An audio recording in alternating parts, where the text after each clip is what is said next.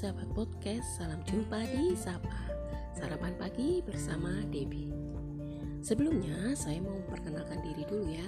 Nama saya Deborah Melalui podcast saya rindu untuk bisa berbagi kisah, cerita, pengalaman hidup atau apa pun itu Yang bisa menguatkan satu sama lain khususnya bagi para wanita Kristen Pagi ini saya mau membagikan keresahan-keresahan yang pernah saya alami dan itu berbuah manis bagi hidup saya. Baru kali itu, tepatnya di akhir tahun 2019 kemarin, saya merasa dunia saya berputar. Tapi bukan karena saya sakit kepala ya sahabat. Saat itu di kepala saya seperti ada tulisan, Oh no, 40 years old. Saya cek rambut saya, berapa uban yang sudah tumbuh. Saya cek daerah sekitar wajah saya, seberapa banyak keritan mulai terlihat. Rasanya tidak percaya kalau saya sudah masuk di usia kepala empat dan saya masih single. Tentunya telinga saya ini sudah cukup sering mendengar pertanyaan-pertanyaan ataupun pernyataan-pernyataan baik dari teman atau keluarga. Kapan menikah? Ditunggu undangannya ya. Ah, kamu ini pasti pilih-pilih ya. Kamu sih keasikan cari duit dan sebagainya. Sampai telinga dan hati saya ini menjadi kebal dengan kalimat-kalimat itu. Sebenarnya ada nggak sih yang PDKT atau naksir-naksir gitu? Bukannya saya sombong ya, tentu ada.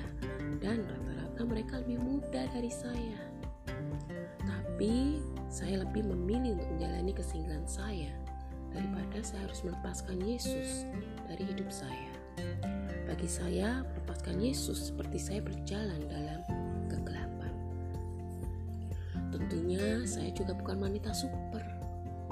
Saya kadang juga merasakan kesendirian. Namun yang membuat saya bersyukur, saya memiliki saudara dan saudari yang tidak pernah membiarkan saya sendirian. Selain itu, saya tahu alasan saya mengapa saat ini saya memilih untuk single. Bagi saya, menikah bukan lomba lari. Begitu status di KTP saya berubah, maka sayalah pemenang atas kesinggalan itu. Nah, selain daripada komunitas, Tuhanlah yang menjadi kekuatan terbesar saya saya memutuskan untuk menantikan semua janji-janji Tuhan bagi hidup saya. Itulah yang memberikan kepada saya pengharapan yang baru setiap harinya. Daripada saya meratapi usia yang memang tidak bisa saya tolak, tidak bisa saya hindari, dan itu fakta, saya memilih untuk terus menumbuhkan karakter-karakter wanita Kristen yang Tuhan kehendaki. Terlibat dalam pembangunan tubuh Kristus, salah satunya melalui sekolah minggu membuka diri untuk persahabatan-persahabatan baru, dan belajar hal-hal baru untuk menambah skill saya. Hari ini, saya jauh lebih bersemangat dengan kesingglan saya. Saya lebih punya banyak waktu untuk melayani Tuhan, berkreasi, dan membantu menguatkan wanita-wanita single yang lainnya. Seperti ayat firman Tuhan yang menjadi sarapan pagi kita hari ini. Di Yesaya 40 ayat 31. Tetapi orang-orang yang menanti-nantikan Tuhan mendapat kekuatan baru. Mereka seumpama Raja Wali yang naik terbang dengan kekuatan sayapnya. Mereka berlari dan tidak menjadi lesu.